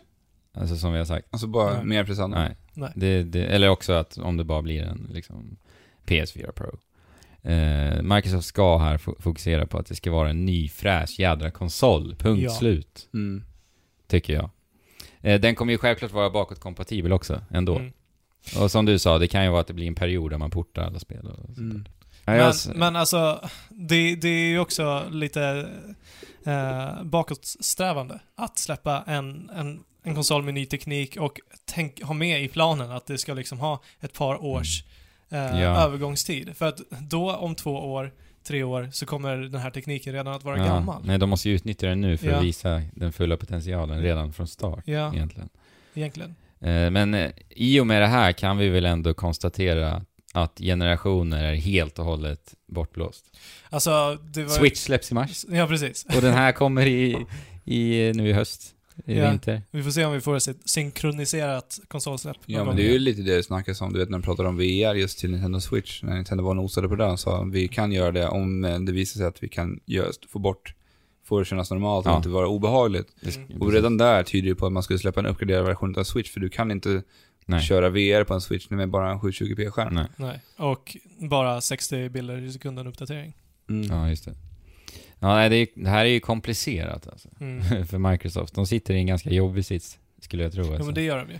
Eh, och eh, i och med nu att, att Sony är i den här ledarpositionen så får ju de också vara ganska försiktiga, tänker jag. För att jag menar, Microsoft och Sony, de kommer ju hela tiden analysera varandra in i benmärgen verkligen, efter, för varje släpp nu. I och med att de inte är i synk längre. Mm. Och jag menar, när Sony har ledarpositionen nu, då kommer ju de sitta där med liksom popcornen i ledarstolen och bara analysera in det sista och ta med sig det, den faktan in i utvecklingen utav PS5, Mm. förstås. Mm. Så de får ju verkligen vara lite försiktiga och, alltså de måste ha möten varenda jäkla dag där Ja. borta alltså. För att- Brainstorm-möten. Nej men det var ju så himla smart av Sony att släppa Play- Playstation Pro när de gjorde det. För att nu Ja. har de liksom satt, satt dem i schack. Ja, De har satt var smart. Microsoft i schack. Det var smart. Mm. Eller är det smartare att vänta tills i år? Det vet vi ju inte än. Nej, Nej, men precis. Det kan alltså, ju ha varit bättre. ja, men, men det ja. sätter ju liksom press på dem. Och, och därför kan de ju skjuta sig själva i foten genom att Microsoft kanske mår bra och frodas av den här pressen. Ja, men det kanske de gör. Ja. Det... Vi fick ett datum i alla fall om. på det här. När ska, när ska den här visas upp? Ja, nu på E3. E3. På Ja, E- ja, det var- E3-konferensen. Ja just det, och de har ju faktiskt flyttat till söndagen. Ja, just det, till och med. Ja. Är 11 juni. Ja. Vi kommer kunna se det här också utan att behöva stanna upp hela natten. För att det började klockan... Eh, 23.00. Mm. Elva. Microsoft brukar ju typ, ja det var senare, det brukar inte ligga så sent Nej, de annars. brukar ha runt eh, 18 Ja. ungefär. Mm. Så att, nu blir det lite senare. Så nu kan du förvänta dig okej. en tid där det kommer flor, florera rykten kring Extra Ja. Scorpio förmodligen. Det har ju redan läckt lite så här från DevKits och sånt där. Ja. Men eh, sen kommer de också, eh, de har sagt, Phil Spencer i det här eh, mejlet vi fick då, eh, om hans uttalande så berättar han också att det kommer att, deras, eh, deras slä- släpptitlar, exklusiva släpptitlar för året 2017 eh, kommer att vara fler än förra året. Mm. Eh, och i och med att liksom Scalebound blev försenat, eller nedlagt, Nedlagt, ja. eh, så är det kul att se vad de har eh, i S-ärmen. De kommer, det kommer vi förmodligen få se då på, på E3 också. Mm. Så de slår ju på stort. Stortrumman på E3. Det ser vi fram emot. Så jädra spännande. Ja, intressant. Vad har vi mer? Det har ju dykt upp ett eh, patent. Yes. Alla de här patenten. Ja. Mm. Men det här är lite roligt. det är en rolig patent. Ja. Eh, Sony, eh, eller de har väl egentligen officiellt gått ut med det nu. Ja, de tog det för länge sedan, Ja. men det tar ett tag innan man kan släppa dem. 2015 tog de Mm. eh, Och det är en, alltså en bärbar he- enhet som för tankarna till Nintendo Switch något enormt. Ja, Mm. alltså det är en platta och sen så är det typ eh, två halvor av en eh, Playstation-kontroll. Det ser ut som förkrympta, jag tänkte det på förkrympta Move-kontroller. Ja, faktiskt. Utan blobben. Ja. Mm. Ja. Som två stycken sådana här deodoranter nästan. ja. Med styrkors på. ja, just det. Ja. Men, Men självklart så är det patent, alltså om de ska göra någonting av det här patentet, det Ja. återstår att se och ännu mer om den slutgiltiga produkten ser ut så som patentet visar. Ja, men exakt. Ja, PS Vitat. Nästa PS Vita. Alltså då, Fabian, du pratar om att det finns folk som har avbokat sin Switch för att de har sett det här patentet. Ja, alltså då skjuter man sig väldigt mycket i foten. Ja, men för, herregud för alltså. du kommer inte få det här på, Nej. på länge. Ja, vi såg ju faktiskt ett, jag kommer ihåg ett gammalt patent vi fick se från Sony, där man kunde splitta sin DualShock i två delar. Just det. Ah. Just det. det. fick vi aldrig se någonting av. Nej. Men Folk var ju typ såhär, ah shit det här är coolt, det här är nästa grej, motion controller. Mm. Då så man skulle kunna ta isär kontrollen och kasta liksom en granat på den här känslan. Ja, igen. just det. Men, Just det. Ja, nej men alltså vi får väl ändå, vi kan ju inte, eller vi får ju inte glömma ändå att eh, Sony faktiskt är ett japanskt företag. Nej. Eh, och bärbart spelande är ju enormt i Japan. Så de har ju ändå ett speciellt band till den kulturen också. Ja.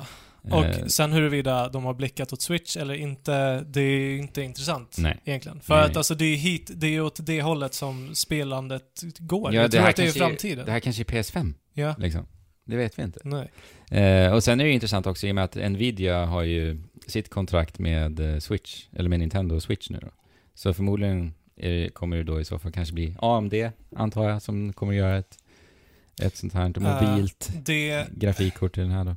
det är både inte lika gott som att när det är Nvidia. Som, Nej men jag Ja, menar det. Och, för jag har svårt att se att Nvidia lämnar Nintendo. Nej men hörni, vi, vi hjälper Sony. men det handlar inte om det, de behöver inte lämna Nintendo. De Nej. kan ju faktiskt göra, jobba för flera ja. Mm. företag samtidigt. Så Ja. de skulle lika gärna kunna sitta Så och att alltså- göra Men- ett kort åt Sony också. Jo men För om de, är, de... de är ju inte slutna Nej. till att jobba med Nintendo. Nej. Och det vill inte de vara för de Men jag har vill- svårt att se då att de skulle ha börjat utveckla det här nu.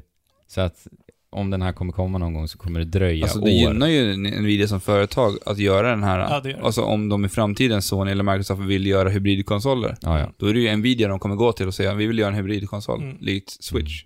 Ja. Ja, men och sen så snackar folk om att eh, man ska kunna spela på en 1080p-skärm i handen Mm. i liksom 60 Hörni, FPS hela tiden hörni. och så. Men alltså, Spela Switch så kommer ni glömma att ni ens vill ha det. jo men, Och sen kanske ni får den några år, det vet vi inte. Ja. nej, nej men precis. Det är klart det kommer det ju kommer- dröja år. Ja. Och jag menar, Switch kommer också utvecklas. Det kommer troligen, som, som Alex sa, komma en starkare version av En Switch nu, nu, sedermera. nu Nintendo Switch. ja. Eh, Men sen är det också lite kul att de släpper det här patentet nu. ja, men de Två gör ju veckor det. innan Nintendo Switch släpps. De, fatt, de fattar ju att det finns folk som har bokat Nintendo Switch Ja. av den anledningen. Men är det kanske, de kanske vill kolla reaktioner lite. Mm. Ta tempen. Men det, det gör de nog. Och Shuei Ishida, vi vet ju att han var på eventet där eh, när de visade upp eh, Switch för första gången. Mm. Eh, så han kanske var han och där och... sådär. Ja, han tog in kort där. Så han kanske gillar det Mm. och vill göra någonting Sony... Sony. Jo men ärligt Ja. talat så har jag svårt att se hur man skulle kunna ogilla konceptet. Ja, jo men absolut. Spe Ja. Speciellt som sagt i och med att Ja. det är ett japanskt företag också. Mm. Eh, och historiskt då så har ju Nintendo verkligen eh, totalt dominerat på eh, bärbara enhetsmarknaden. Och det var ju en period i, under PSP-eran i Mm. Japan där PSP sålde mer i Japan, än ja. 3DS, eller Ja, DS. Men inte i... Och det var ju tack vare den enormt stora spelserien Monster Hunter. Yes, Mm. exakt. För det var den som liksom räddade PSP lite grann. Mm. Där det började kränga hur mycket konsoler som Ja, helst. så det ska bli intressant alltså, att se om de gör någonting av det här. Eh, och sen får vi ju inte glömma liksom hur de behandlade PS Vitan. Ja. Alltså, det, det som verkligen stack i ögonen på folk, jag tänker mig, var inte det mycket de här jädra eh, minneskorten? Alltså de, du var tvungen att köpa... ja men alltså, det var ju på PSP också. De hade ju samma där. Ja, det var så. Ja, de hade Memory Stick Duo på PSP. Ja, och sen det. hade de ju, vad, vad heter de här till vita nu? Eh, Men det är Sony, Sony patenterade minneskort på Och- båda och konsolerna. det var ju helt obegripligt. Och jag minns att de var så jäkla dyra. Ja, och det var Memory Stick Duo också. Ja. Också överprisade. Men det var ju, Memory Stick Duo kom i samma veva med när det inte hade satts en standard för, för minneskort. SD, okej. Mm. Så SD var inte standard då. Nej, men det måste Men- väl ha varit i vita tiden? Ja, det var det. Ja, det var ju det som, det var ju det jag menade. Att Ja. där fick man bara wow, ska jag gå och köpa det här? Ja, men de försökte ge sig in i den här minneskortsmarknaden igen Ja. kanske. Ja, det var så Men- dåligt. Men alltså det spelar ingen roll när man kollar på eh, hur de annars behandlade det. För att det skulle fortfarande kunna varit en bra konsol. Jo, Mm. precis. Men Som det är ju en inte del, bara- av, det är ju en del av det som gjorde att det blev katastrof i slutändan. Eh, för att de satsar ju i slutändan också enbart på prestanda har vi ju märkt. Mm. När det kommer till bärbara enheterna. Ja, Jag kon- menar- konstiga gimmickar. Ja, ja, alltså touchplattan på PS Vitan är ju märklig. Ja, och det, då vill du syfta på den touchplattan som ligger bakom konsolen. Yes. Det är klart, det, det var Det är ju... en bra tanke. Ja men det var ju charmigt och häftigt hur de använde, det, använde den i typ Tearaway. Mm. Ja, Men det är så här, det är ju bara gimmickartat. Liksom. Ja, det var kul att pilla på den ett par gånger, som, så Mm. var det inte så häftigt längre. Men för de som, eh, förväntar sig en 1080p-skärm från Sony så kan vi säga att PS Vitan inte ens var, eller var runt 500p. Ja, men precis. Och det är... fa- jag och Alex spelade faktiskt PS Vita här i dagarna och det är bra bild. Mm. Jo men det är en så pass liten skärm ändå, Ja, men exakt. det spelar Spelar ingen roll. Nej. Eh, men de behöver ju spel framförallt. Mm. Och här har ju, det är ju här verkligen eh, Nintendo har total dominerat. Som du säger Alex, de har eh, Monster Hunter, de har Pokémon. Mm. Det är väl världens största eh, spelserier på en bärbar enhet. Mm. Eh, utan tvekan liksom. Mm. Så att ni- Sony behöver ju verkligen ta i med hårdhandskarna för att eh, få titlar som, som folk vill ha till en bärbar enhet. Liksom. Ja, alltså då skulle de behöva Monster Hunter. Ja. Liksom. Det är ju typ det de skulle behöva. Men ropa Den- tillbaka, fixa tillbaka det. Ja. Ja. Men då kommer vi till en intressant sak. Och det är så här, eh, att i veckan så fick vi reda på att Capcom är helt och hållet med på och villiga att utveckla framtida AAA-spel till Nintendo Switch. Mm. Eller porta över helt enkelt. Porta över, vad menar du då? Ja men Alltså, att eh, Att de utvecklar... framtida AAA-spel vill de också släppa till Ja. Switchen. Jo, Mm. de har ju sagt att ja, Resident Evil funkar väldigt bra på Switch. Mm. Så att eh, om Sony vill ha Monster Hunter på eh, sin Sony Switch så får de nog lägga in en del cash. Men bara för att vara övertydliga, vad tror ni chansen är för att de säger någonting om Sony Switch på E3 det här året? Noll. Ja, jag tror att det är väl- väldigt, väldigt, väldigt liten chans. Ja. Mm. 5% Det, bru det brukar väldigt sällan vara så att det dyker upp patent och sen så pratar man om Ja, det. faktiskt. Ja, det brukar ta lång sällan. tid innan. Ja, och vissa Ja. nämns aldrig ens. Förutom, alltså Nintendo-patenten gick ju där på Switch. Och sen så Mm. fick det vi väldigt snabbt. Jo, men det var, Det alltså, var ju ett år liksom. Jo, men det var ju så jäkla många olika också. Mm. Ja, nej, det kommer inte ske. Inte på E E3. Då har vi en lyssnarfråga. Ja! Vad roligt. Någon som vill läsa den? Och det var väl så enkelt som typ, vem är sämst klädd i spelvärlden? Ja, Ifrån eh, Thomas Moonfest. precis. Precis. Hej hej, vilken spelkaraktär är sämst klädd? Yes. Med vänliga hälsningar, Moonfest. Vem vill Bra. börja? Eh, ja, jag kan börja. Ja, kör Alex. Eh, Street Fighter 5 utannonserades Ja. så fick vi ju en, ett återbesök från en viss karaktär som heter Armika. Mhm, Som är alltså en slags mexikansk wrestler. mhm. Eh, iklädd i någon sån här blå tight trikå, bikini, artat. Med, Mm. med lite hål lite Ja, varstans. Lite hår varstans och en blå mask som ser allt, allt Ja. den, den, sizen på den masken passar inte hennes ansikte, den är på tok för stor också. Mhm. Så det ser aldrig riktigt tufft ut. Nej. Sen har hon sina två, två tofsar. Mm. Och enormt stora, Ja, stora bröst. bysten Mm. är ju väldigt, väldigt... Ja, men Ja, det är stor. väldigt karikatyr. Men det är eh, otroligt ful eh, design. Ja. Klädseln eh, ser förskräcklig ut. Mm. Armika är sämst klädd i spelvärlden. Sämst klädd. Ja, du, jag håller ju henne också väldigt högt på den här listan. Ja. Det är svårt att inte göra det. Ja. Eh, jag säger eh, Lulu ifrån Final Fantasy 10. Ja, Okej, hon Mm. goth. Ja, Magiker. precis. Hon är en goth-magiker. Svart hår, svarta ögonbryn, allt, allt hår är svart. Mm. Och hon glider omkring och bär på en sån här Moogle. Mm. Och sen så har hon en stor svart klänning med typ bälten som sträcks, typ tiotal bälten som håller framdelen av eh, den här klänningen då, Ihop. ihop Ja, ja. Yes. Eh, och Men jag man tycker, kan glimta lite mellan benen där. exakt. Ja. Och jag tycker att allting bara blir en stor jäkla sörja. Jag tycker att hon är groteskt fult designad. Ja. Ja, visst. Det, det är min. Hon är sämst klädd. Sämst. Eh, vi får inte glömma att alltså, Japan har ju kommit med väldigt, väldigt Ja. dåliga designer.